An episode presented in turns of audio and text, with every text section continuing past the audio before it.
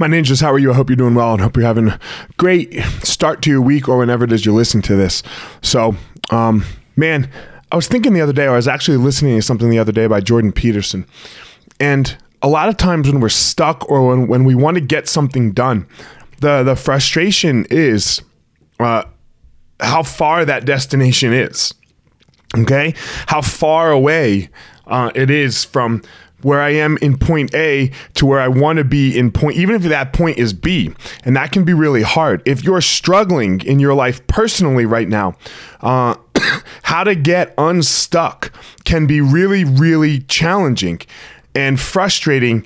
And it's, you seem like, oh my God, man, like uh, it's so far away. So what do you do? Aim low. Aim really, really extremely low so that you're actually successful.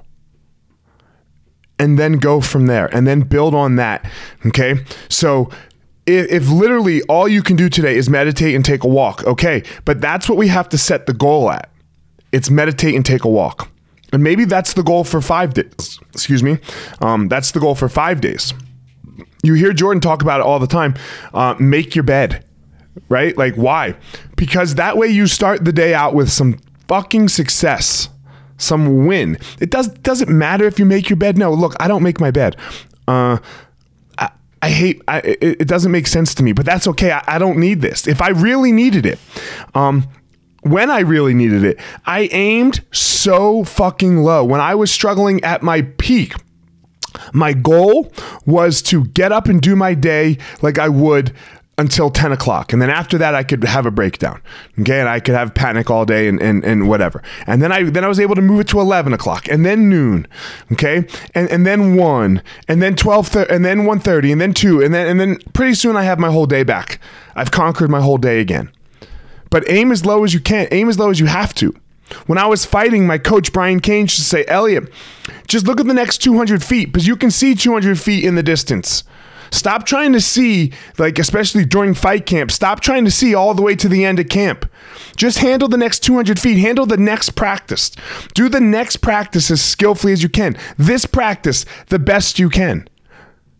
And then it, everything else takes care of itself. If you do the moment right now, the best you can, the most skillful, be the most skillful in this moment. Choose something, choose something small, and be skillful at it and then build and then build and build and build. And then the foundation, the foundation that you set from yesterday and the day before and the day before that and the month before that, that's what you can then build on top of.